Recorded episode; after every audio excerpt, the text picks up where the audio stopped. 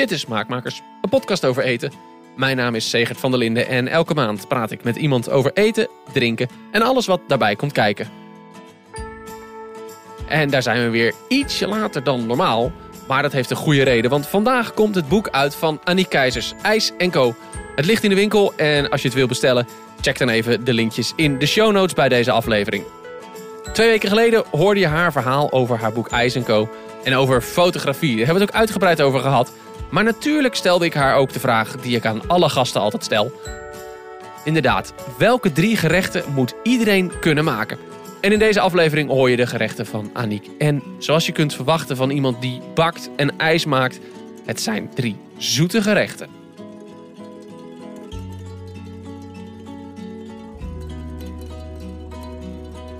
Nou, op één staat uh, de Zwitserse merengue maken. Is, dat weet ik dus nooit precies. Je hebt de, de, de Zwitserse, je hebt de Italiaanse en heb je er nog een? De Franse. Ja, klopt. En even voor de mensen die het niet weten, wat is nou het, verschil tussen de drie? Um, Zwitserse merengue um, verwarm je de eiwitten met de suiker, al kloppend tot uh, eh, 60 graden. En daarna klop je het op. Um, de Italiaanse merengue maak je een suikersiroop en die giet je, uh, terwijl je de eiwitten klopt, giet je erbij. En de Franse merengue is volgens mij gaat dat met rauwe eieren. Maar die, dat, daarna bak je het dus nog. Ja, dat is volgens mij gewoon toch eiwitten, eieren opkloppen, suiker erbij op het laatst. Nog een keer goed doorkloppen en dan in de oven. Ja, ja klopt. Ja, ja. En jij zei de Zwitsers, hè? Ja. Waarom die? Ja, omdat ik denk dat dat de eerste keer dat ik zelf eiwitschuim maakte was de Zwitserse. En voor mij, uh, ik kan dat recept dromen. Um, voor mij werkt dat heel fijn op zich. Het, um, ze zeggen bij de Italiaanse wordt het schuim iets nog steviger. Maar voor mij werkt het fijnst om de Zwitsers te maken. Um, ja, en het is zo ontzettend lekker. Ik kan, als ik dat maak, dan eet ik dat met, met een lepel gewoon uit de kom. Um, maar het is heel erg lekker met lemon curd. En dat was mijn nummer twee. Ja. Nou, dan ga je een mooie natuurlijke overgang naar ja, lemon curd. En, en bij de merengue. En waarom dan lemon curd? Want dat ik, ja, ik heb het één keer gemaakt volgens mij. Is best wel ook wel weer best wel een arbeidsintensief klusje, vond ik het toen. Maar misschien denk ik te moeilijk.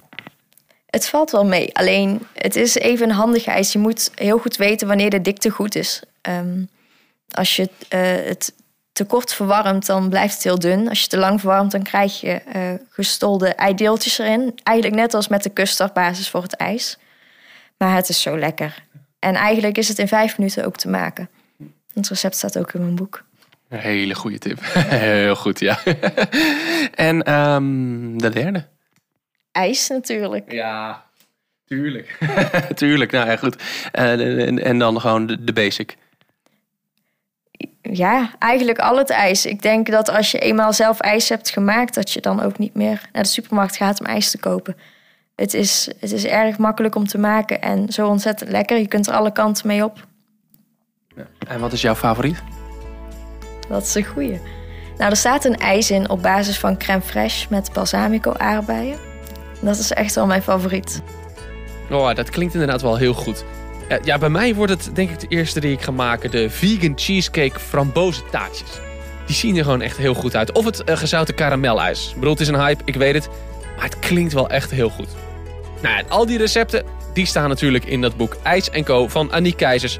Nu te krijgen in de winkel of uh, check even de link in de show notes. Over uh, twee weken ben ik er weer. Dan met een nieuwe aflevering. Wat mij betreft wordt dat ook weer een beetje een zomers getinte aflevering. Daar heb ik wel behoefte aan uh, na deze winter. Die vind je natuurlijk gewoon weer in je favoriete podcast-app of op smaakmakerspodcast.com. Luister jij deze podcast nou via iTunes? Ja, dan zou ik het tof vinden als je een kleine review schrijft of even sterren geeft. Dan helpt het andere mensen weer om de podcast te vinden. Nou, over twee weken ben ik er weer. Tot dan.